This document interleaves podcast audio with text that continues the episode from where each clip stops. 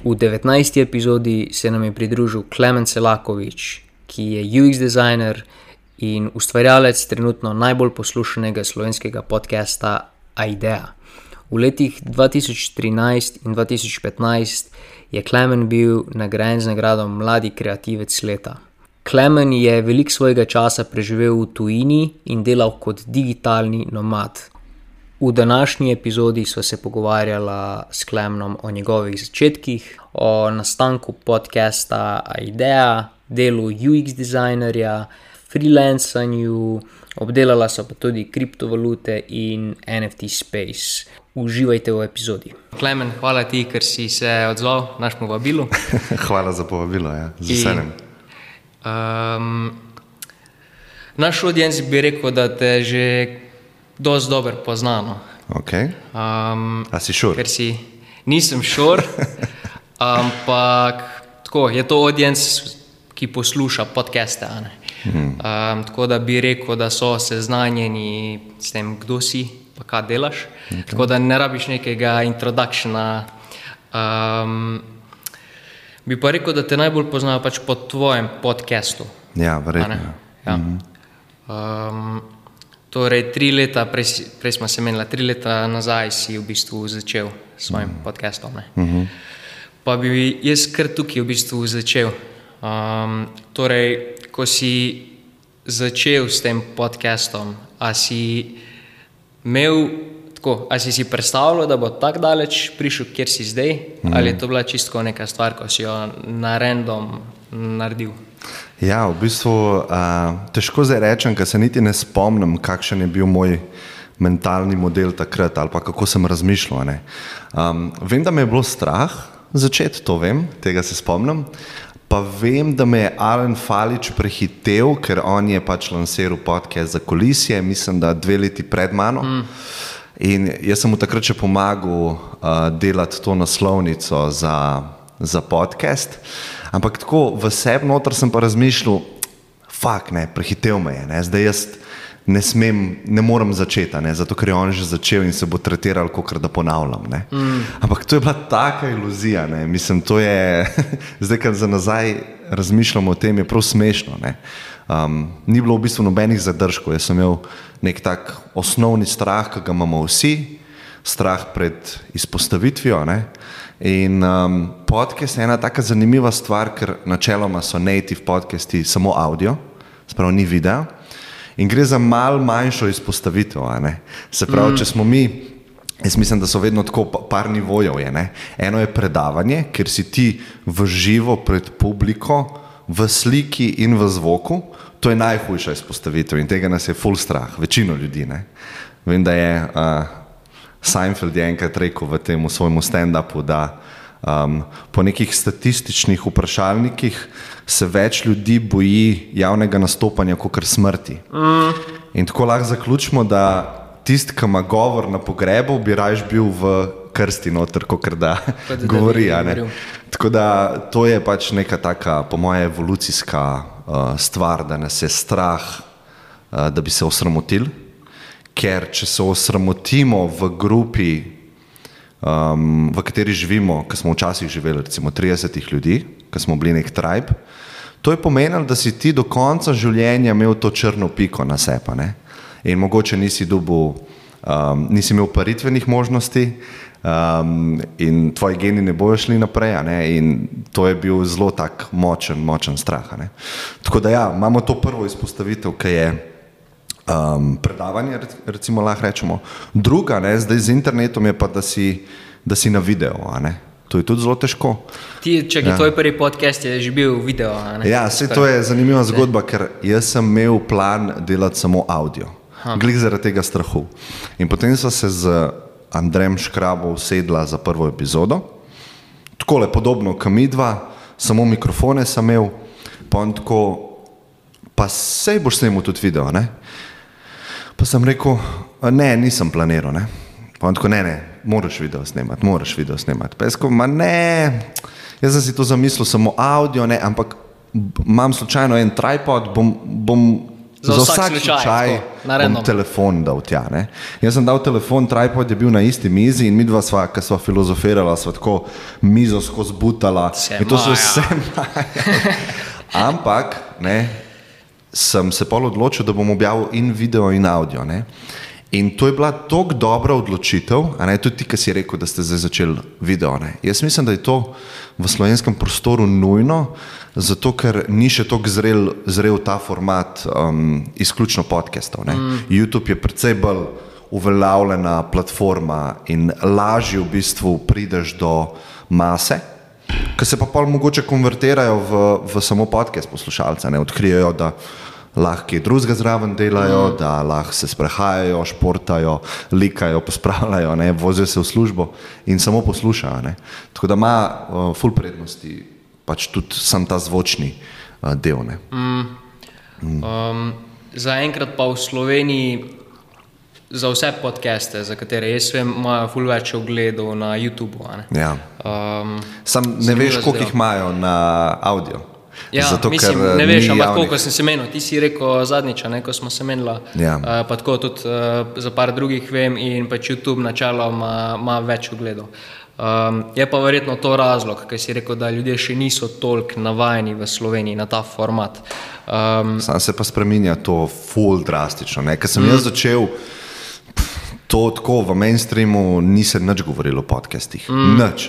Zdaj pa članki, najboljši te podcasti, to pod, podcasteri imajo intervjuje. Mislim, tako res se razvija ta Ja. ekosistem. Ne? In mm. vedno več je tudi podcastov, ja. Kar je v bistvu posledica. Ne? Um, a se ti zdi, da mislim, tako, vidiš nek trend v tem, tudi v Sloveniji, tako da se fully razvija ta stvar, da bo šlo v to smer? Tako, kje vidiš podcast čez 5-10 let?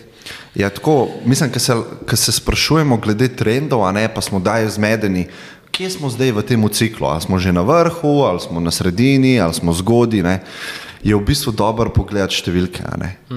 In zdaj čistko lahko se mi dva mal, mal po brainstormava, koliko oglaševalskega budžeta gre v podcaste. V Ameriki zelo, mogoče en prom, zelo mali, mali procent cel, celih budžetov. ne. Se pravi, Amerika je pa ene pet let pred Slovenijo. Mm. Tako da jaz mislim, da niti v Ameriki nismo na topu eh, tega trenda in da se to iz leta v leto številke rastejo. Neke številke sem imel, ker sem imel eno predavanje pripravljeno o podcestih, zdaj jih na pamet ne vem, ampak um, Slovenija, jaz mislim, da je tako ene pet let za Ameriko, nasplošno tudi v ostalih trendih. In uh, niti začetka, začetka nismo videli, ne, po mm. moje. Uh, če me sprašuješ za Slovenijo. Ja, ja, ja. Ker tako, če pogledaš, ne, koliko velikih medijskih hiš ima podcaste. RTV, vse, kar dela, je, da uh, te vdaje, ki jih itek imajo na radiju, samo konvertirajo v podcast. Um, ostale medijske hiše, lahko ti povem iz, iz prve roke, da šele zdaj razmišljajo, da bojo začele delati svoje podcaste. Ne? Tako da že to je neka taka indikacija, koliko smo na začetku. ne. Da v bistvu na top lestvici, če greš zdaj pogledat, je 90% neodvisnih ustvarjalcev. Ne?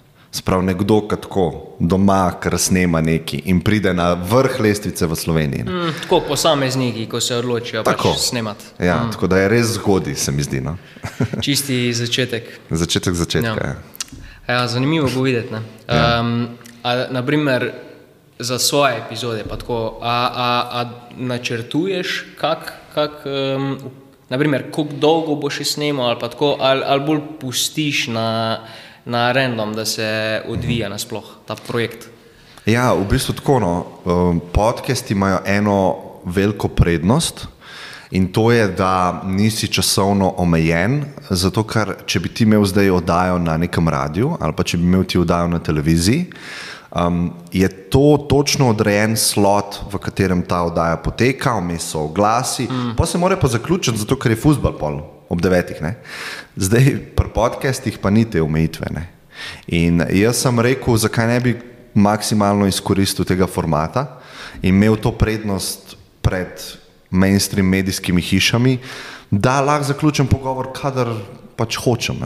Lahko je to 4 ure, lahko je to 2 uri, lahko je to ura pa pol. ne.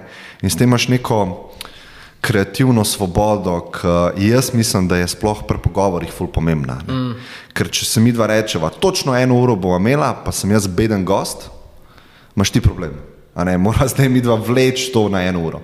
Če sem jaz ful dober gost, je škoda, da je samo eno uro, ker po mojem mnenju se šele po pol ure začne. Ker um, dosti ljudi je nesproščenih, a ne moč se malo prostora navaditi, da padeš v flow. Ne? In to traja nekaj časa, ne? odvisno, koliko si zvrziran. Mm. In pri večini gostov jaz vidim, da, da najboljše je tam um, tretja četrtina. Ne?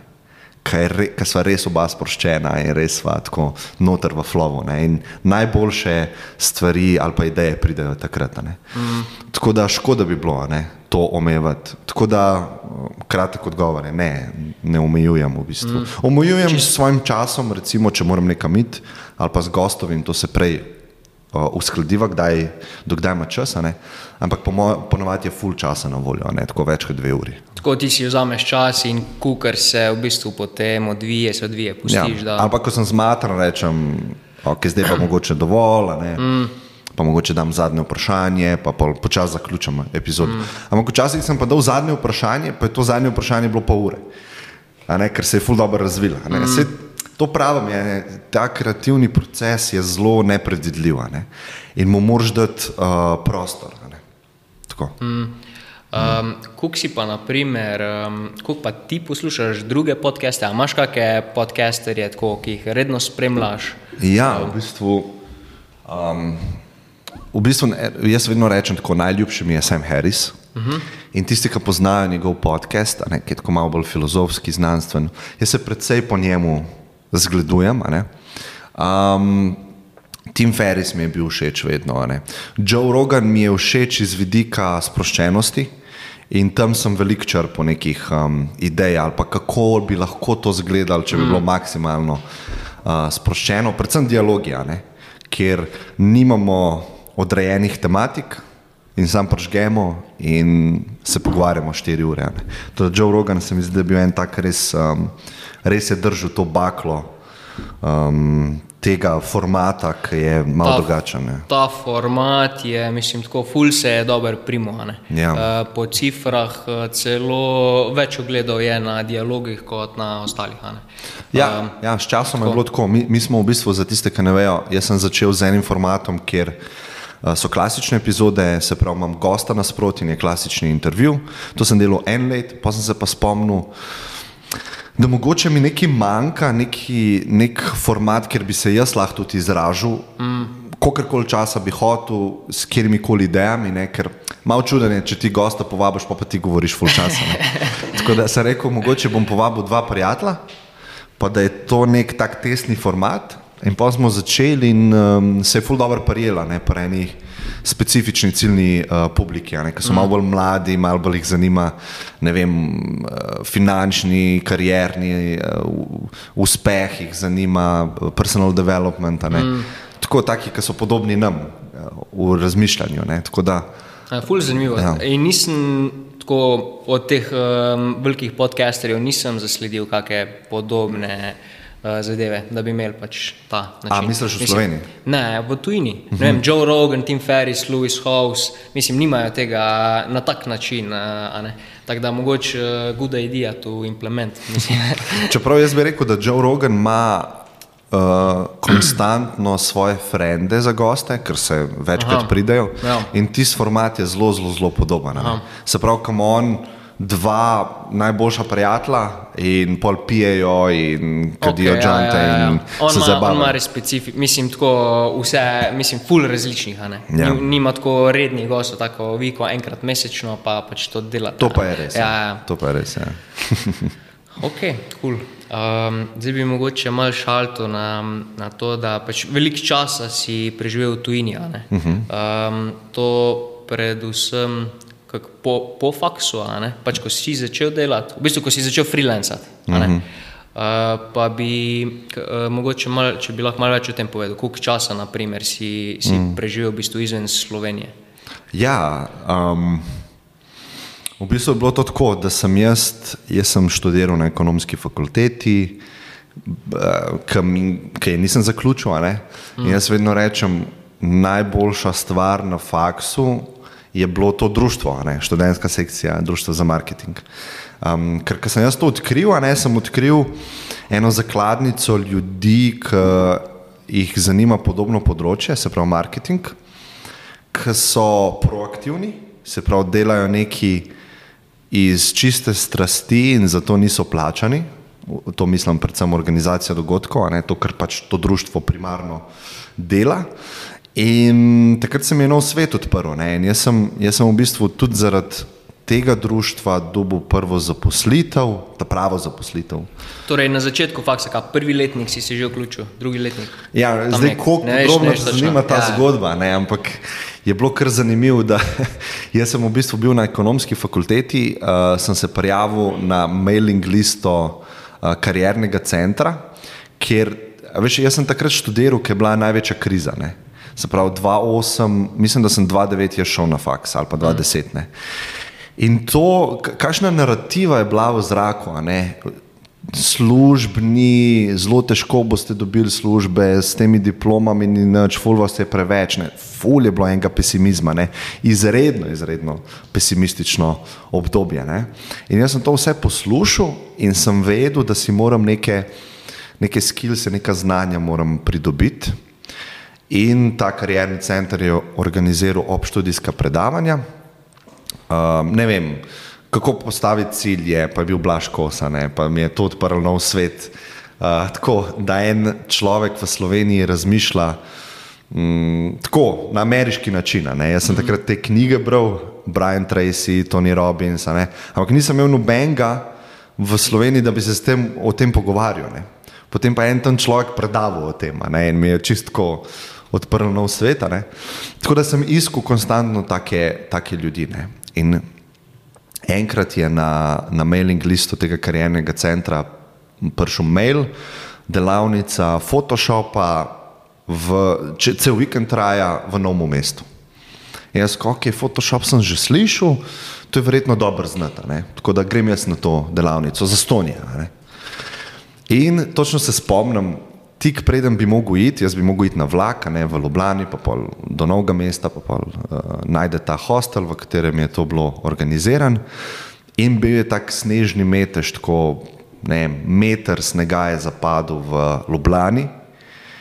In še neka nesreča je bila na ljubljanski voznici, tako znana, ker se je 60 avtomobilov zabil, zaradi megle in uh, takih slabih vremenskih razmer. Jaz sem tako razmišljal, mah, ne grem jaz na, to, na ta vikend. Bom jaz raje doma, pa bom serije gledal na računalniku, bom tako malo čilo. Ne? Ampak nekaj me je, nekaj me je vsem potisnilo, da sem spakiral te um, kufre, imel sem tako dve torbi, komp si mogel imeti sabo in sem šel peš do železniške postaje. Tako komi sem po snegu hodil, čakal vlak, že žal mi je bilo, mrz je bil. Kaj, kaj sem to sploh šel v to, um, noben ga tam ne poznaš, kaj če bo ful brez veze, uh, plačati boš mogel za prenočišče, tako volenih takih mm. slabih stvari. Ne. In jaz sedim na vlaku, um, pride do te postaje v novem mestu in jaz zdaj tako, kje zdaj to najde, ta hostel, vprašam tam, uh, to je bil nek ful znan hostel, zdaj sem pozabil uh, ime. In jaz dejansko ta sam, tam je bilo še več snega. Um, tako uderal se mi je do kolen, do kolen uh, sneg, uh, noč ni bilo očiščen, pač to je bilo po noč, zvečer. In prejem do tega hostla in mi tam ena uh, gospa na, na recepciji me sprejme, pa jaz, ko jaz sem prišel na delavnico Photoshopa, pa je tako, noč ne vem o tem, ne. Okay. Pa tam eni mladi, pa jaz tako, pa, pa so oni rekli, a ti si pa za še sedemS. Pesko, ne, ne, ne, Ni, nisem to, jaz sem prišel na delavnico. Eh, nisi vedel, da ima to kaj veze s 67, verjetno nisi ne. vedel, kaj pomeni 67. Ne, ker je kdo rekel 67, sem rekel, kaj, kaj slab, nisem slab marketing z tega vidika, je to, ne, ker je tako kompleksna kratica. In sem rekel, ne, ne, ne, jaz sem na Photoshop prišel. Ja, ja, se to je tu, to je tu. In jaz rekel, ok, super. In takrat, ne um, smo mi delali neke realne, mislim, neke kampanje, smo delali s Photoshopom, neke oglase. Ne? Jaz sem se prvič srečal s to vrsto kreativnosti In uh, lahko bi rekel, da sem se takrat zaljubil v to. Ne? Jaz sem rekel, v tem sem jaz dober, čutil sem, pa to mi je full všeč delati. ne. Tako da moram to še naprej raziskati. ne. In potem sem se včlanil v društvo in tako. Vse od tega naprej je šlo zelo navzgor, ali pa zelo mm. po neki, neki bolj jasni poti oz- oziroma smernicah. Mm. Ker sem vedel, zanima me marketing, bolj specifično advertising in pridobival sem izkušnje za organizacijo dogodkov, pa sem pa dobil job zaradi tega. Ne. In slučajno je bil ta job uh, v digitalni agenciji, kjer sem se pol naučil UX-a oziroma dizajna uh, in šel v to smer. Sorry za tok uh, Ja, dolg, ja, dolg mislim, tak, ker si me vprašal za Ja, potovanje. Ja, ne. itak, itak. Um, Pa sem začel freelancati. Mm. S časoma mm, in slišal izraz digitalni nomadi. In to sem se, jaz sem se zaljubil v ta izraz. Mislim, tako, to so digitalni, to je meni full všeč, ne tehnologija, prihodnost in vse. Nomadi, ne, se pravi, so rek, neki svobodni ljudje, ki s pomočjo tehnologije potujejo po svetu in delajo iz kavaren oziroma kjerkoli, kjer je na voljo internet. In jaz sem rekel, jaz bom bil digitalni nomad. In uh, nič, sem, uh, imel sem neko, neko uh, remote službo za podjetje iz San Francisca. Jaz sem jim rekel, jaz grem na Bali. So me vprašali, za koliko časa, sem rekel, ne vem, mogoče za dve leti, ne vem, pač jaz grem. Sem rekel, v redu. In pa sem šel in sem potoval po Aziji in ta, ta, prvi, ta prvo potovanje je bilo šest mesecev je trajalo. ne. In pol po šestih mesecih sem zelo pogrešal dom in sem prišel nazaj in pa sem se pa tako nekako odločil, da bom vsako zimo, ki je tukaj naj, um, najbolj mrz, da grem v tople kraje in tako še danes v bistvu delam. Mm. Okay. Um, pa tako, to prvo potovanje, mogoče, ko si šel, um, a je, mislim, ko si prišel tja, rekel si, da, da se ti je zdelo to neki, pač neka dobra izkušnja, ne? uh -huh. da, si, da si free, da si nekje zunaj. Je dejansko? Romantično je tako zelo. Ja. Kako je dejansko pol izgledal, ko, ko si šel doma in si, in si bil, uh, bil tam na Balju? Ja, um, tako ne. Jaz sem bil zelo mlad takrat, zelo čustveno nestabilen. Um, šel sem v bistvu z glavo čez zid. Ne vem, imel sem veliko težav. Mm. Veliko težav, logističnih težav, veliko težav, ki so posledica pomankanja izkušenj s potovanji. ne. Recimo, čist prva, da takoj povem. Jaz sem prišel z avionom do Denpasarja, to je glavno mesto na otoku Bali, in jaz nisem imel keša s sabo, ker sem imel kartice. Ampak jaz, amater, sem imel te svoje bančne kartice. In nobena ta kartica ni delala, če si predstavljaš. Ne? In to je bil takoj prvi challenge. Ne? Jaz tam provavam bankomate in mm. sploh moje kartice ne upošteva. In pol takih izzivov je bilo vsak dan tri, štiri. Ne? In v bistvu dobivaš izkušnje, pridobivaš na samozavesti, malo trpiš, ampak to je life, ne? Sam, takrat je bilo to vse na steroide, mm. dan, zato ker si sam in se moraš znajti v okolju, ki ti je totalno neznana. Ne? In mogoče dosti ljudi te hoče še malo zajebati, tako skozi moraš tako malo paziti. Uh, tako da veliko velik izzivov sem imel. No. Ni, bilo, ni bilo tako romantično ali pa gladko, kot sem si sam Kot predstavljal. se je zdelo na začetku, tako, ko si Se, ja. predstavljaš, da lahko si kjerkoli pa delaš. Pa da ni težav, ja, da si tako, Ja, ja, ja. "A, živim sanski life. Ne. Pač tudi težave so in čist nepredvidljive. Ne. Mm. Um, ja, mislim, drugače, ko si v nekem okolju, ki ti je že znano, itak da nimaš tu nekih challengeov, pa tako navajen si, a ne imaš neko rutino za reči. Če pa greš na nek nov plac, pa mm, se moraš prvo navaditi, akumulirati. a ne, in Ja, tega jaz nisem razumel. Ne. Lepo To, se kar- zdi. a ne. Um, To, kar si zdaj rekel, ne, tega jaz nisem tako razumel. Uh, pomembnost rutine. Rutino sem dojemal kot nekaj zelo negativnega, v bistvu je pa rutina uh, nujna za strukturo v življenju. Ne. In jaz sem imel totalno porušeno strukturo, oziroma struktur sploh ni bilo, in to me je mentalno pahnilo v zelo slabo uh, stanje. Um, socialne stikov nisem imel toliko, uh, zelo slabo sem jedel, nisem treniral, um, spal sem slabo. ne. In to se je vse akumuliralo v, v neko tako obdobje depresije oziroma tako anksiozno obdobje, no, tako mm. zelo slabo. Ne? Ampak vedno pravim, če me kdo vpraša, a ne grem sam, a ne rečem ja, zato ker imel bo izzive, ampak ne, izzivi so nujno potrebni za rast, ampak to še lepo za nazaj vidiš, ne, da je bilo nujno potrebno. Takrat je zelo neprijetno. Ne. Mm. Ampak človek rab take stvari, ne, da dozori in da užije ta life v celoti z obema spektroma, dobrega in slabega, ne, ne samo dobrega. Ne. In jaz sem s tem hlastanjem po dobrem, dobrem, sam dobro, hočem v lifeu, nočem odgovornosti, nočem struktur, hočem biti čisto svoboden. Sem si v bistvu skuhal najslabšo možno izkušnjo z vidika počutja. Ampak ta najslabša možna je bila zelo dobra in mm. retrospekt. Zato, ker sem se fulno naučil o sebi in o drugih ljudeh. Tako da vse je zelo tako. Z razlogom. Z razlogom. Ja. Ja, ja. um, pa bi, ne, imaš zdaj tako drugačen pristop do tega, kot si ga takrat imel? Do potovanja? Um, ja, naprimer, a zdaj še kar imaš tako željo, to, da, da bi potoval. Tako, Ja, mi, ja, imam željo, ne, ampak uh, jaz sem takrat, veš kaj je razlika. Jaz sem takrat iz tukaj, iz tega prostora, bežal v nek drug prostor. Zdaj pa se mi zdi, da ne bežim, zato ker mi je tukaj ful dobr. Tukaj mi je v bistvu, ko sem kle, sem na najboljšem mestu in izredno uživam in imam rad Ljubljano in Slovenijo in prijatelje. In res tako zdaj se počutim, da živim eno tako izpopolnjeno življenje. To pa ne pomeni, da moram biti skozi kle. In ko grem tja, ne vem, mi hodimo enkrat na leto s prijatelji, hodimo na Tajsko um, za mesec, dva, recimo januar pa februar. Ker sem pa tam, pa tam maksimalno uživam, ne? pa ne hlastam po domu. Tako da to je ena tako velika razlika v notranjem duhu, kako si naravnan.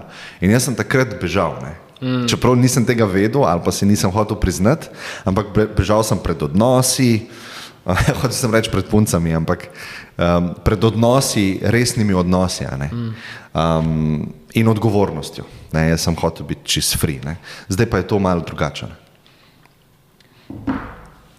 Um, torej, zdaj v bistvu malo drugače uh, vidiš te zadeve. Rekl si, da, rutina, da je rutina nujno potrebna. Mm. Uh, kaj, mislim, kaj si misliš s tem? Torej, vidiš, da bi vsak dan um, načeloma mogel isto izgledati, tako da se navadiš na nek. Um, Naprimer, neko jutranjo rutino, pa pol delo, mm. itd., da je takrat človek najbolj srečen. Ja, ful dobro vprašanje. Jaz sem se s tem ful ukvarjal, ker um, tako je, ne, mi rutino gledamo kot nekaj negativnega, ampak jaz mislim, da je nujno rabimo zaradi tega, da lahko delamo eno aktivnost, brez da razmišljamo pred tem, da jo moramo narediti. Se pravi, vsi imajo, a pa lahko rečemo navada, celo, vsi imamo izkušnjo z umivanjem zopa. Ne. Se pravi, zjutraj se zbudimo in različne stvari delamo, ampak slejka prej gremo umivati zobe. In mi takrat predtem ne razmišljamo, da oh, moram zobe umiti, zato ker uh, zobozdravnik je rekel, da moram ta karijes očistiti, moram imeti um, uh, zaradi, srce, zaradi srca je dobro, da imam čiste zobe, um, dlesni moram imeti zdrave, um, lepe bele zobe bom imel, tega mi ne razmišljamo. Mi vemo nekje v ozadju, da je dobro umivati zobe in to pač naredimo. In zato je to naša navada. In jaz mislim, da je čim več takšnih stvari, ki imaš, ki so dobre aktivnosti, pa jih ti delaš avtomatsko iz navade in ne porabljaš energije za odločevanje, je dobro imeti v življenju. Ne? Zdaj, moj primer, ne? jaz se zbudim in pelem psa ven. In jaz ne razmišljam, ali bi ga danes pel ali ne. Ma ne, dobro je to za me, veš, ker mm. malo se boš. Ne sam greš, razmišljati, sam greš. Si se oblečeš, navada, vsak in, dan pač se to narediš. Tako. In um je čist in ne porablja energije. In to je ful pomembno, porabljanje energije, mentalne energije. Ker ti to energijo rabaš za ustvarjanje, za um, nove ideje, za, mm. za take stvari. In ti ne moreš jo porabljati za ene. Za ene stvari, ki jih moraš delati zaradi telesnega zdravja, zaradi veš, mentalnega zdravja in podobno. Ne? In jaz pelem psa ven, potem se ostavim tam na soncu, um, malo gledam v sonce, ne sem neke raziskave bral, uh, sploh tega Hubermana spremljam na Twitterju, um, ki je imel en tweet, ki je rekel: Moje tri, če bi. To je iz Stanforda. Um, A, ja, se, se poznam, ima tudi podcast svoj. Ja, če boste polinkali, tiste, ki zanima malo bolj tako mm. ta biohacking, je tako zelo neka taka zakladnica um, idej, kaj lahko delaš. Ampak je rekel tako, jaz govorim o 20-30 stvareh, ki jih je dobro delati. To so pa moje top 3. Se pravi, če bi mogel samo tri zbrati, katere imajo največji efekt. In je napisal, lahko ta tweet tudi polinkamo. Eh. Napisal je, v prvih 30 minutah, uh, takrat, ko se zbudiš, je dobro iti za 10 minut na sonce. Zato, ker um, ene 200 procesov se sproži, ki ti dobiš sončno svetlobo v oči, pa na kožo. Tako da ni dobro iti takoj na telefon, pa v zaprti sobi iti na maile. Tako da ful pomembno iti ven na sonce. To je ena stvar uh, od Hubermana. Ne? Potem uh, ne vem koliko minut meditacije na, na teden. Pa tretja stvar, kardio, ne? Tudi nekaj minut na teden. Ne? In to je rekel, to so top tri stvari, ki lahko pač, um, pač uh, zelo hitro dobiš neke benefite, ne? zelo malo mm -hmm. efforta. Ne? No, da se vrnem, jaz grem nazaj, ven, grem na sonce, sprehajam se z enom, grem brez, brez telefona, sem v nekem meditativnem stanju, kjer je um prazen prijem nazaj, si umivam, umivam zobe, se stuširam in pol sedem medita, uh, medit, v meditacijo. Ne? In to je tudi ful zanimiv, ker sčasoma se ti moraš potruditi, ko imaš kakšne nove rutine. Se pravi, moraš se zavestno reči, o, jaz sem se odločil, da bom meditiral vsako jutro in greš meditirati. Ne? Ampak sčasoma, ne, sčasoma se te stvari, aktivnosti, ki jih ti ponavljaš vsak dan, se ti predstavijo v drug del možganov in to postane navada. In to pomeni, da ti ne rabiš več mentalne energije za odločanje, ali boš delal to stvar ali ne. Se kar sama zgodi. Samo od sebe, ker si navaden tak, tako narediti. In to je ful pomembno, kar mm. sem me prej vprašal, da imaš čim več dobrih navad, zato ker ne boš nič eforta porabil, da jih boš delal. Mm. Tako, ker se samo od sebe enostavno. Samo od sebe se ne. Mislim, tako uh, vikendi, ista, ista zadeva, je kaj drugače. A pri meni? Ja. Ja, še, še več časa sem zunija, pa še A. več časa sem tako na. Zdaj sem bil na Kreti in sem hotel te od Hubermana stvari tako nekako združiti. In sem se zbudil, sem šel takoj plavat in sem plaval ene deset minut, se pravi, to je ta kardio. Potem sem šel ven iz vode in sem šel na sonce meditirati.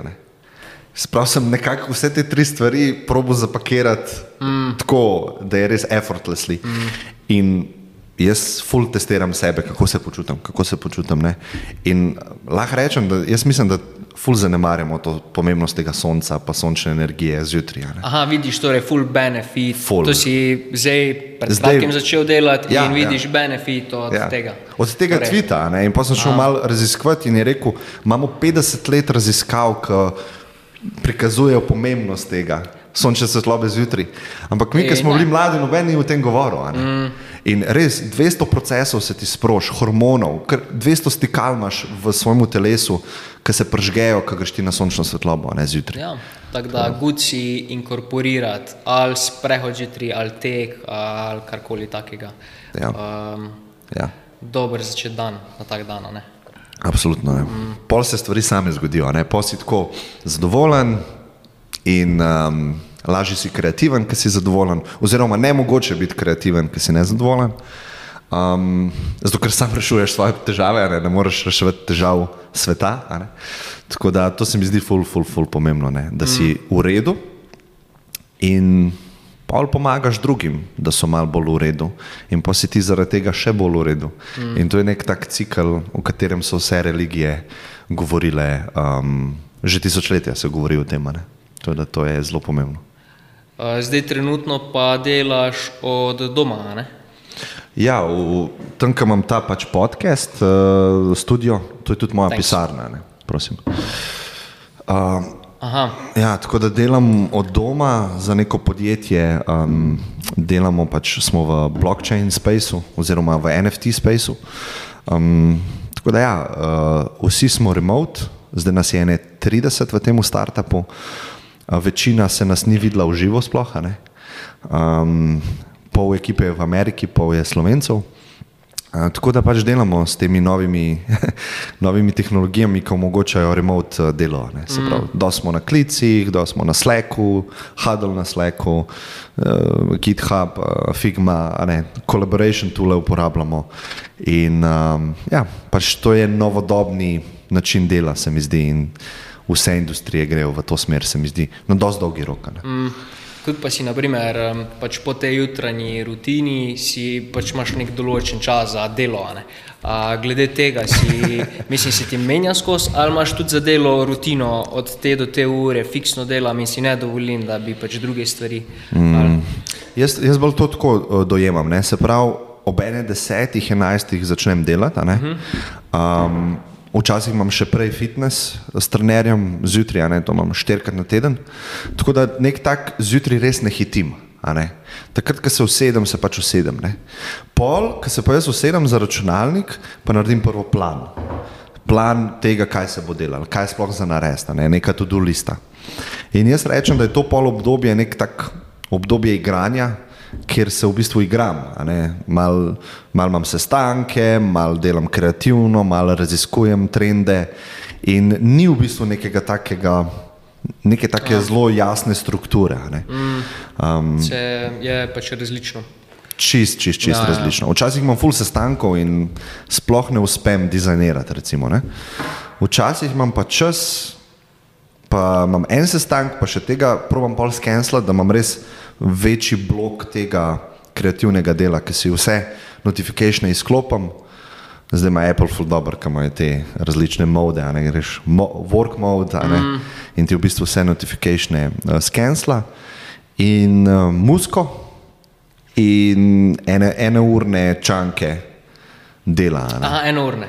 Ja. Torej 60 minut, pure focus. In, Pure focus, pol pa vstanem, a ne itak me ura spomne, please stand up. Uh, Natočiš vodo, greš na sprehod, grem ven z eno, mogoče celo sam za pet minut, ne, in pa nazaj. Ne. Tako, no, tako, tako sem ugotovil, da pri meni deluje. Imam pa obdobja, ki izredno težko to delam, kar sem zdaj uh, povedal. Ne, tako prokrastiniram, nimam volje, ne, tako da, da ne kdo mislil, da sem, da sem uspel čist pohekati ne, um, ta način dela. Uh, imam tudi fulizivo, a ne sam. Tako, no. mm. Mm, ja, zanimivo pač, kako um, kak vidiš sploh delo. ne? A je to tako del tvojega lajfa, um, tako, tako nek um, purpose, um, uh -huh. ali je to tako nekaj, kar moraš narediti. Um, To je velika razlika. Ja. ja, Ja. Um, Jaz nikoli se... nisem eh, ločeval to, kaj veš, dela pa prostega časa. Uh -huh. Včasih, ko sem, sploh, ko sem bil v a ne vem, da sem delal. V firmi sem delal 14 ur na dan, pa sem še fanfaro, um, se pravi, vodja sem bil digitala in kreative in če ki še ena ekipa, tri ekipe so bile združene, to sem vodil, to je bilo pol še ene tri ure na dan, vsak dan. Uh, in, a veš, v bistvu sem samo delal. En bi, mm. en bi pogledal to, pa bi rekel, pa ti sam delaš, ja. pa spiš doma. Ampak meni je bilo takrat to ful dobro. Mm. In nisem to tretiral kot delo, ampak to sem si jaz izbral in to mi je ful fajn in tudi čas je šel tako le mimo. Mm. Tako da vidim pa ljudi, ki pa zelo ločujejo prosti čas pa delo in trpijo v njih 8 ur. Ne? Ja, A veš, pa sam ker čakaj, čaka, da da bo konec. Tako ja. da to, s tem nisem imel toliko težav nikoli v lifeu. Pridemo do tistega, da moraš najti nekaj, kar ti dansko fajn delati. Mm, Pa se to začutiš, ker te Ja. v bistvu vleče v to. ne. Mm, Ker mogoče to iskanje, ne, konstantno iskanje svojega pešna, ne, to, jaz ne verjamem to kot to. ne. Ker to iskanje je v bistvu, ti moraš v bistvu delati stvari, pa probavati, ne, tako kot otrok. A Veš, kot da bi zdaj otroka posadil na tla v polno igralnico in on zdaj išče igračo, ki mu bo všeč išče svoj purpose, išče svoj passion. Ne, on gre pač do prve stvari, ki ga privlač in se pač igra z njo. In pa, ko se neha, se gre na drugo. ne. Tudi, če bi imeli ta duh v življenju otroka večkrat, jaz mislim, da bi dosti bolj polno živela, kot kar mm. živimo zdaj. Ker se zdaj tako ukvarjamo s tem, moram najti svoj passion, svojo industrijo ne? in pol si paraliziran. In v bistvu milijon stvari imaš, ki jih lahko delaš. Igraj ja. klavir, ustvari to, posnem pa odke, mislim, kar koli. Sam pa že dejansko probavati stvari, probavati. pa ti bo hit neki ja. full fine. Mm. Um, bolj filtrirati, bi jaz rekel to, bolj kot kar iskati pešan, ampak mm. filtrirati, se pravi, sam delati stvari in čez filter bo čez tvoj filter bo že samo prišlo mm. tisto, kar ti je full všeč. Uh, pri tebi pa v bistvu si že takoj na UX dizajnu pristal, tako že ne. zelo na začetku. Ne, ne, ne. ne, ne. Jaz sem tako. Jaz sem naredil srednjo zdravstveno šolo, pa sem šel na ekonomijo. Si to prvi job v agenciji, si UX že delal? Ne, ne. ne, ne. Um, jaz sem v bistvu tako, ker sem šel na ekonomsko, nisem vedel, kaj točno me zanima z vidika ekonomije, pa sem odkril marketing, nisem vedel, kaj točno me z vidika marketinga zanima. Potem sem pristal v digitalni agenciji, sem rekel, ok, digitalni marketing, pa sem bil vodja projektov v tej digitalni agenciji dve leti. Mhm. In pa sem rekel, jaz nisem tako dober ta organizator projektov, um, lahko jih odvodim kot vodja projektov, ampak ni to moj passion ali pa kora. Ne. To sem takrat vedel. Ampak sem se ogromno naučil. In to sem povedal direktorju, ker smo imeli te letne razgovore. Je rekel, kaj bi pa ti rad delal? Sem rekel, jaz bi rad bil UX dizajner. In pa naslednji dan sem dobil projekt za delati. Banka celje je bila, še točno se spomnim. Nesel sem domov za vikend, pač to delo in cel vikend se mučil, nekaj sproducirati na liste papirja, kako bo ta kampanja oziroma spletna stran izgledala. In to je bil moj začetek. Pol, in pa sem začel dobivati projekte um, konstantno. Ne. In sem uradno bil pol UX uh, designer po neki časa. Ne. Hmm. Tudi, tako je bil zelo organski proces, veš, kjer sem rekel, da ta smer me zanima, ekonomija. Znotraj ekonomije je marketing, znotraj marketinga advertising, znotraj veš, digital, znotraj digitala UX. -a, A veš, mm. je bilo tako, kot filter zgleda. Mm. V bistvu tako, tako, tako je bilo zelo organsko. No? In jaz mislim, da, je to, da, je to, da sem lahko full hvaležen temu in uh, da sem imel srečo. Mm. Um, Pol si v bistvu full časa, si freelance vmes, zdaj si pa spet um, ja. v, bistvu v službi, ne full time. Mm. Um, pa um, mogoče ta switch, um, a je bil kak poseben razlog, zakaj si šel iz freelancerstva v službo, pa kak je, hmm. naprimer, eh, kakšna je razlika? Ja, v bistvu sem sedem let freelancer, delal za mm, različne projekte, ne, zelo je bilo dinamično. In eden izmed novih projektov, potencialnih, je bil Fractional Art.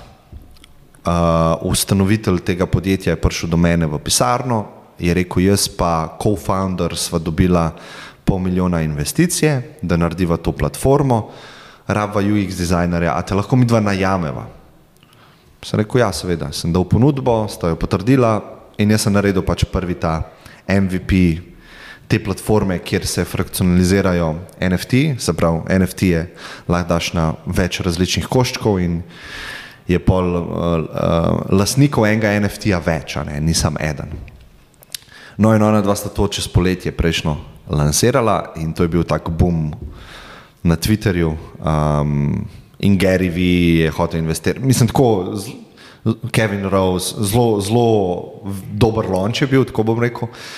Takoj sta dobila še eno investicijo, 7 milijonov, valuacija je bila 30 milijonov. In ona dva sta rabila nove stvari iz vidika UX-a pa dizajna in sta me spet poklicala. Sta rekla, tako pa tako je pač uh, se dogaja. In pa sem jaz rekel, ok, jaz bi rad zraven prišel kot partner, ne? zato ker, to, kar si vprašal, zakaj ne. Um, blockchain industrija me že zadnje pet let zelo zanima, mislim, da je to prihodnost. Uh, vedno sem hotel biti on the edge of tega, kar se trenutno dogaja z vidika tehnologije, se pravi, da sem na robu teh inovacij. In ekipe še nisem videl tako dobre, kar se je takrat formulirala. Um, že nova investicija se je pač um, nekako pripravljala. Ne? In se rekel, če mi da ta par procentov, mislim, če mi da ta deleže uh, podjetja, da postanem partner, um, pridem noter full time. Mm. In pa smo se to ene par mesecev dogovarjali s temi papirologijami in podobno. In pa sem rekel, to je ponudba, ki jo težko zavrnem. In sem rekel, grem za naslednjih pet let se fokusirati na neki, na nek produkt, malo bolj ožje in probati. Um, Probati v bistvu narediti eno zgodbo tako uspešno. Mm.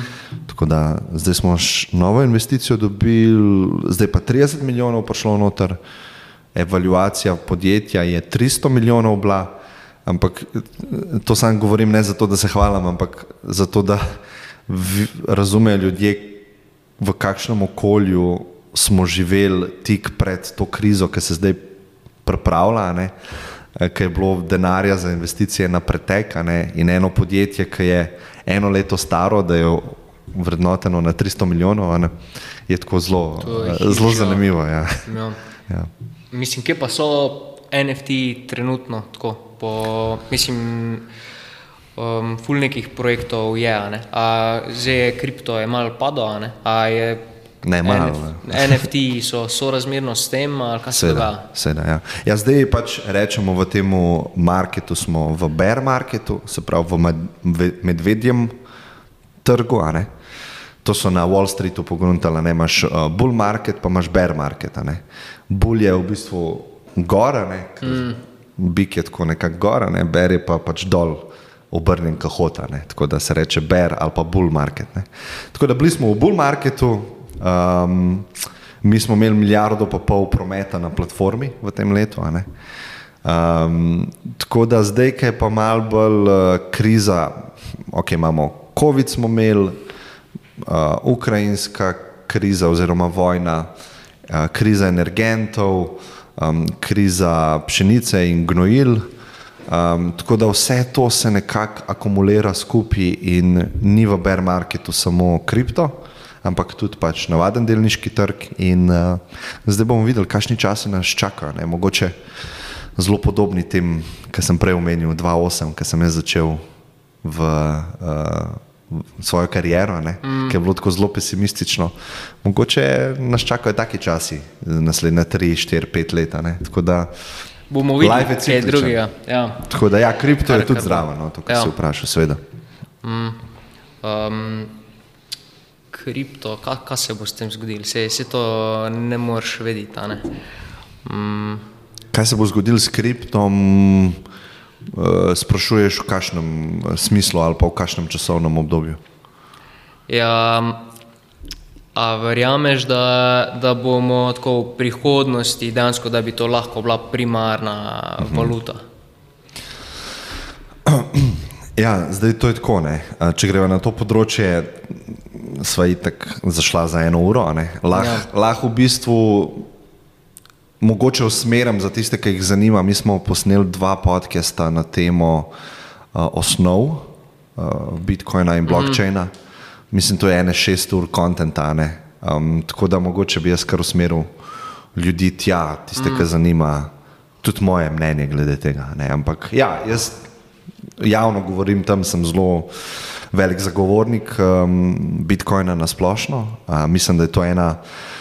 Največjih izumov v zgodovini človeštva, um, recimo, če je bil en izum ogen, ki nas je res um, dal na steroide, ne pač uh, verjetno naše možgane, ker smo začeli jesti uh, kuhano hrano. Teorije so sicer različne, ampak iz ognja pride fulejnih stvari. In jaz mislim, da jaz bi dal na isto raven, kako pomemben je izum za človeško civilizacijo, bi rekel, da je Bitcoin. To da, to, da lahko ti brez posrednika prenašaš na internetu vrednost, brez posrednika, ne? da je to odprt sistem, popolnoma transparenten, nad katerim noben na svetu nima avtoritete pa moči, ne, to je zelo pomemben izum. Ne? Blockchain tehnologija na splošno. Ne? In tako, no, mislim, da, da bo drastično spremenila način našega življenja. Ne? Mhm. Mojega je že. Če ne bo ovirano. Ma, jaz mislim, da če govorimo 20, 30, 40, 50 let naprej, bomo itak imeli cikle, eh, cikle oviranja, cikle ne vem česa, ampak na koncu jaz mislim, da je inevitable, ne vem kako se reče to, neizogibno, da uh, ene stvari zmagajo, ne, mm, ki so boljše. Torej, verjameš v pač tako, kripto, da, da bo um, pač. Mislim, ne bi šel toliko na splošno kripto, Aha. jaz sem bolj Bitcoin, ki ga zelo dobro poznam. Aha, pa vidim njegove use, da to, kar se zdaj dogaja v finančnem svetu v zadnjih sto let, ali pa ta kenzijanska teorija, ne, kjer nimamo več zaledja nekega zlata in mi fiat denar printamo, kot želimo. Se pravi, imamo COVID krizo, naprinta se 9 trilijonov keša svetovno in se ga spusti v market, napihne se vse delnice in vse ne. To je v bistvu vse bazirano na nekih nerealnih temeljih. Ne. In včasih smo imeli ta realen temelj, je bil zlato. Ti si mogel imeti kot država v uh, rezervi zlato podlago, na podlagi katerega si ti izdajal bankovce ali pa denar. In ti, kot človek, ki si imel ta denar, si lahko načeloma prišel v v banko in si dobil v zameno za ta denar ekvivalentno zlato. In to so en, leta 71, uh, Nixona, ne, so takrat skenslali ta zlati standard, se pravi, ozadji dolarja ni bilo več ničesar, sprav, ni nobene podlage. In jaz mislim, da ljudje rabimo vedno neko podlago, vedno rabimo neka tla, ki nas držijo, a ne v neki realnosti. In um, zdaj, kar se dogaja, je pač nerealnost. Ne? Tako da jaz mislim, da Bitcoin je taka nova realnost, kjer vsi točno vemo, koliko jih bo, oziroma koliko jih je teh enot. To je 21 milijonov. Za denar pa nimamo niti približno pojma, koliko je, koliko je zdaj denarja zunaj, koga bo. In v bistvu ti, če doma držiš denar, ti ne veš, koliko bo čez pet let razvrednotena. Ker bo kar nove enote tega ja, istega. Printajo ga dosti več in je pol manj vredena. To je, ja pri Bitcoinu se pa to ne more zgoditi. Ne? Tako da, ker je to z matematiko zaščiteno, ne? mm. z, z nekimi omejitvami v vesolju, ki obstajajo. Ne? Tako da to je zelo zanimiva stvar. S kakimi omejitvami v vesolju? Ja, s kodo. Se pravi, imamo kodo, v kateri je zapisano pravilo, da nikoli več ne bo več kot 21 milijonov bitcoinov. Mm, ja, In te ja, kode torej noben ne more spremenjati sam. A, to si mislil, ja. ja In to je zapisano v, v kamnu, ja, še bolj ja, kot v kamnu, ja, ja, pač v matematiki. In mm. zato je to tako pomemben izum, ker prej ni, a veš, lahko mi rečemo, zlato je omejeno. Omejeno je s tem, koga je na planetu Zemlja, pa koga je izkopanga. Lahko v vesolju je, veso, je zlata ful. Mm. Tako da mi ne vemo, koliko je zlata, zares. Vemo pa, koliko je Bitcoina in vemo, vedno bomo vedeli, vsi, koga bo. In to je ena tako zelo pomembna stvar, ki se večina ljudi ne zaveda. Mm. Mm. Kako pa bi, naprimer, eh, NFT je zagovarjal, ker tu imamo fulejnih skeptikov, ki, ki so tako, ok, to je ena slikica, zakaj bi to imeli neko vrednost. Um, Kako bi, kak bi to? Je taka reče, taka reče tako, recimo, uh, zakaj bi ta slika imela eno vrednost? Ga jaz vedno vprašam, okay, koliko je ta slika vredna na trgu. Se pravi, imamo neko sliko Board Ape ali pa CryptoPunka. In recimo, če gremo mi zdaj na market, vidimo, da se ta slika prodaja za 100 tisoč dolarjev. Ne? In ta skeptik reče, to ni vreden 100 tisoč dolarjev. Ok, koliko pa je po tvojem vreden? Pa reče nič. Pa jaz njega vprašam, a bi kupil ti to isto sliko, a bi kupil ta NFT za 100 evrov? In on ponovadi reče ja.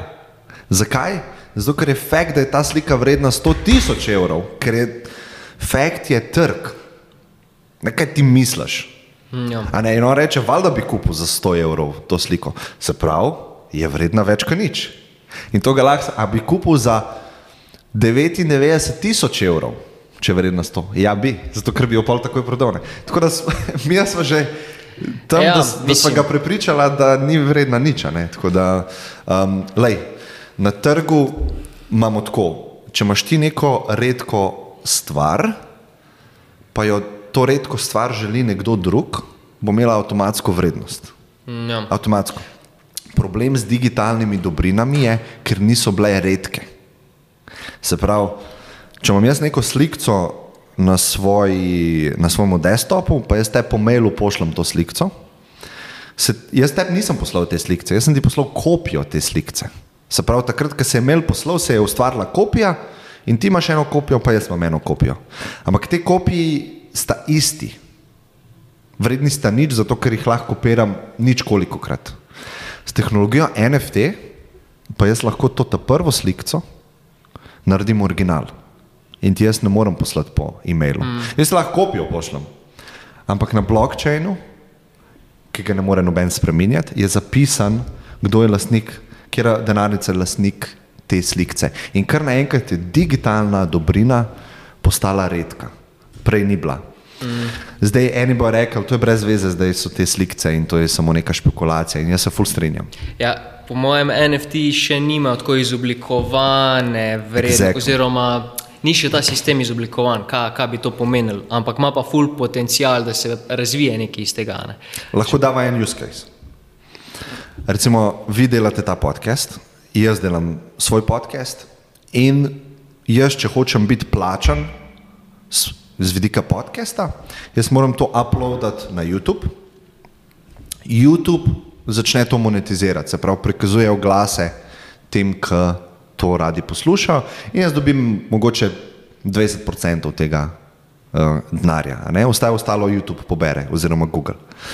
No, zdaj pa, če si predstavljamo, da imamo mi dva NFT tehnologijo na voljo, mi dva to posnameva, imamo video in audio, in mi dva rečeva, kaj pa, če bi mi dva to vsebino dala kot NFT in prodala najnim fenom.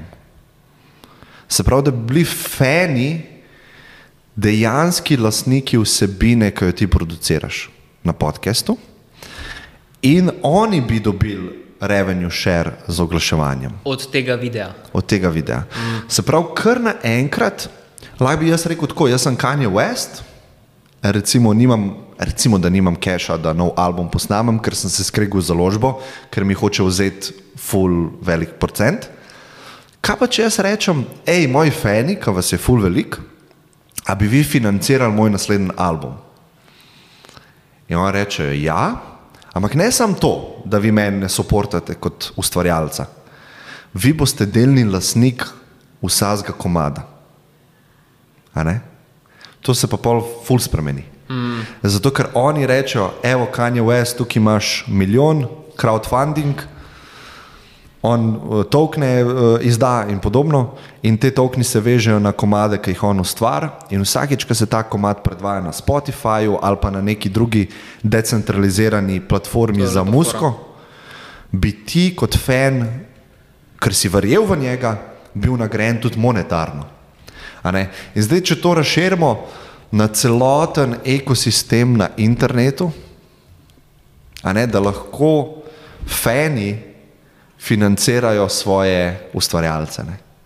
In da je to nek um, biznis model na internetu. Imáš svoj blog, imaš svoj podcast, imaš svoj vlog, kanal, imaš karkoli želiš, ampak ne rabiš teh velikih korporacij, ki ti vzemajo 80 posto um, profita. In ti imaš direkten kontakt s svojimi fani. In tako, če utopično razmišljamo, jaz mislim, da take vrste interneta ne, bi bil res neki lepka. Ne? Mm. Ja, mislim, to je Ampak potencial, tam, ja. v katero smer pač lahko to gre. Ampak zdaj, na primer, te borde, pa te zadeve, ja. to pa nimajo neke posebne vrednosti, naprimer, če, če imajo ta NFT v lasti. Imajo. Zaenkrat. Imajo. Lahko ga prodajo naprej. Ne. Ali kaj misliš? Ne. Ti, če si lastnik Board Ape, si v tem klubu, jaht klubu. Uh mhm. -huh. In oni imajo neke evente, kjer lahko ti priješ samo, če si lastnik. Oh, res. Okay, to je Board Ape Jaht Club, zato se to reče tako. To je en use case. Drugi use case je Twitter. Jaz poznam ogromno ljudi, ki recimo so moji sodelavci, kjer se javno ne izpostavljajo s pravim imenom, ampak imajo nek pseudonim na Twitterju. Ne, ne vem, moj sodelavec ima recimo 200 tisoč followerjev v NFT spaceu na Twitterju. In on ima, njegovo ime je Diz, D-E-E-Z-E. -E. In on ima za to avatar sliko, nima svoje realnega obraza. On ima svojega kriptopanka. A ne? In on, če zdaj ima razmišljava o metaversu, o tej fizični realnosti, pa realnosti, ki na internetu obstaja, tam mali že živijo v Fortniteu. A veš, njegov avatar v Fortniteu, on se identificira z njim in je njegov delček njegovega ega je v igrci, od tam malega. Mm. In zdaj, če imam jaz, recimo, Ape na Twitterju, jaz imam lahko verified, da je to res moj Board Ape, zato ker Twitter ima to opcijo. Jaz kar naenkrat imam full uh, socialnega kapitala, ker folk reče, wow, ti imaš Board Ape, se pravi, ti nisi kar en. Jaz imam lahko nič followerjev, pridem na Twitter, dam Board Ape za svojo profilno uh, fotografijo, ki je verificirana, da je to res moja, jaz imam instanten socialni kapital. Mm. Tako da ni brez, a veš, veze. Tako da, a veš, isto bi lahko jaz rekel, najkice. Vse je sam superga, kaj ima ta znak, zakaj, ta, zakaj za ta znak splačava um, 100 evrov več. To nima vrednosti. Ma, zato ker jaz s tem nekaj sporočam ljudem. Ne, da imam jaz najkice ali pa lahko greva bolj na uh, Louis Vuitton ali pa ne vem. Ja, pa še brende, ko so moč, brand. močne brende. Ja, ja. No in to lahko gledaš kot na brand na metaversu. Mm. Se pravi, moj avatar, moj profil mi da nek socialni kapital. Ne? Mm. In to ni vredno nič, saj to veva. Nek je, ne vem pa koliko. Ja. Kukar določi trg ni, ni druge Tako. Um, osebe Tako. ali neki, ki bi jih določila, ne? to se samo, samo od sebe. Um, kaj pa naprimer z metaversom, um, kaj si misliš glede tega? Um, Meni sploh niti ni najbolj jasno, ka, ka, kje se odvija naprimer, metavers. Um, mm. um, kaj ti vidiš, da bi lahko nastali iz tega? Mm. Mislim, najbolj sem videl tako, da uh, Zuckerberg tako doskrat o tem govori. Um, Oni so tudi preimenovali korporacijo Facebook v Meta. V Meta ja. In s tem so signalizirali nekakšno novo strategijo, ki bo bazirala na tem metaversu. Ne? Zdaj, mm. kaj je metavers? Sprav lahko pogledamo, kako je sestavljena ta beseda. Verse je universe. Mm. Spravo imamo našo fizično, fizični svet, v katerem mi živimo že par milijonov let. Ne? In zdaj z internetom ne, se je začel nek drug svet, na metanivoju, vzpostavljati. Ne? Se pravi, forumi so bili nekako tako, greva tako začeti. Ne? Imamo web, imamo neko tako evolucijske stepe ali pa stopnje interneta. Imamo stopnjo ena, stopnjo dve, in zdaj s tem metaversom in kriptom se govori o Web3. Če ste mm. kdaj slišali ta izraz. Kaj je Web1? Web1 je zgodni internet, kjer lahko rečemo, da je ta tehnologija povzročila demokratizacijo informacij. Zakaj to pomeni? To pomeni, da kdorkoli je lahko šel na internet, ki ga je imel, in v Google napisal neko stvar in je dobil informacije. Se pravi, to je demokratizacija informacij. Jaz lahko v bistvu informacije dobivam iz interneta. To je web ena. Se pravi, samo read, web ena je read, berem. Web dva je recimo z izumom blogerja ali pa um, forumov ali pa pol kasneje socialnih omrežij, družbenih omrežij smo šli v, v ta write mode. Se pravi, ne da jaz konzumiram informacije, jaz lahko še informacije zapisujem na internet. Se pravi, lahko blog post naredim, lahko um, pro, uh, profil si naredim na Facebooku, na MySpaceu in podobno. Se pravi, imaš read, write, to je web 2. Uh, web 3, v katerem je pa zdaj full govora in full zmedene, pa jaz vidim kot demokratizacijo vrednosti. Se pravi, Bitcoin je bil v bistvu neka taka začetna tehnologija, da smo mi lahko začeli vrednost imeti na internetu. Se pravi, jaz imam na internetu shranjeno vrednost v svojih bitcoinih. In zdaj s temi NFT bom imel vrednost v nekem lahko imam v Fortniteu nek, nek skin, ki je zapisan na blockchain, lahko dam ven iz Fortnita, ga dam v drugo igrico in to je v bistvu vrednost, ki jo jaz imam na internetu. ne. Tako da jaz mislim, da bomo za nazaj gledali internet, bomo sam rekli pač ta Web 2, ki je zdaj. Ker so družbena omrežja centralizirana, ne um, cache lahko pošiljaš samo po nekih uh, bančnih, uh, kompleksnih sistemih ali pa PayPal, ker rabiš KYC. To bomo gledali nazaj, to je bil samo nek umesen korak. Ne. Mi bomo pač neko ekonomijo gradili na internetu, imel boš svetove uh, z VR-om, veš, tudi to prihaja, da boš ti imel svojo hišo noter, uh, imel boš, lastnik boš zemlje, lastnik boš oblek in se bo metavers dogajal, ne? se pravi paralelna realnost, ki bo živela v digitalno. ne. Se pravi nek Matrix oziroma in podobno. Ne? Vse to v znanstveni fantastiki že veliko časa ljudje govorijo, ne, da bomo mi se v bistvu um, del življenja živeli na, v digitalnem svetu. Ja, mislim, kaj daš si gor VR očala, um, pod sabo bi lahko imel potencialno nek uh, trak, na katerem laufaš, tako v enem filmu. Ja. Um, potem ne vem, videl si neke rokavice, ki tudi uh, tako lahko se dotakneš neke stvari. Ja. Um, Veš kaj, sigurno bo drugače, kot se mi dva lahko zdaj ja, zamislimo. ja, ja, to je tako čisto na začetku. ne. Ja, ne, zato ker mi vedno tako z našimi uh, trenutnimi konstrukti probamo pač predvidevati prihodnost. Mm. Ampak, a veš, um, ne vem, ne bi ti mogel predvideti recimo ene čisto enostavne aplikacije, kot je Uber. Se pravi, Uber, Uber rab. Uber, zaspal. Ja, zaspal je. Uh, da ti narediš Uber, rabiš GPS na telefonu, rabiš 4G ali pa 3G, rabiš Google Map, rabiš pametni telefon. Se pravi, vse te tri, štiri uh, tehnologije bi mogel ti predvideti, da bojo na voljo v mojem žepu, zato da bi si ti sploh lahko zamislil Uber. Mm. In mi dva pred 20 leti si ne bi mogla zamisliti Ubra, ker ne bi mogla tega zadeti, kaj boš ti vse imel v žepu. Tako da to, kar si rekel, te rokavice, to, to bo nekaj drugače, kot Si predstavljamo. kot kar si mi dva lahko ne. zamislila. Ja, Ja.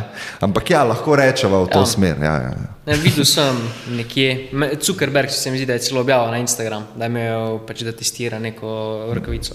Mm. Tako zanimiv space bo to, tako, ko si trenutno še ne moremo predstavljati, kaj, kaj se bo zgodilo. Ja, tega. res je, res je.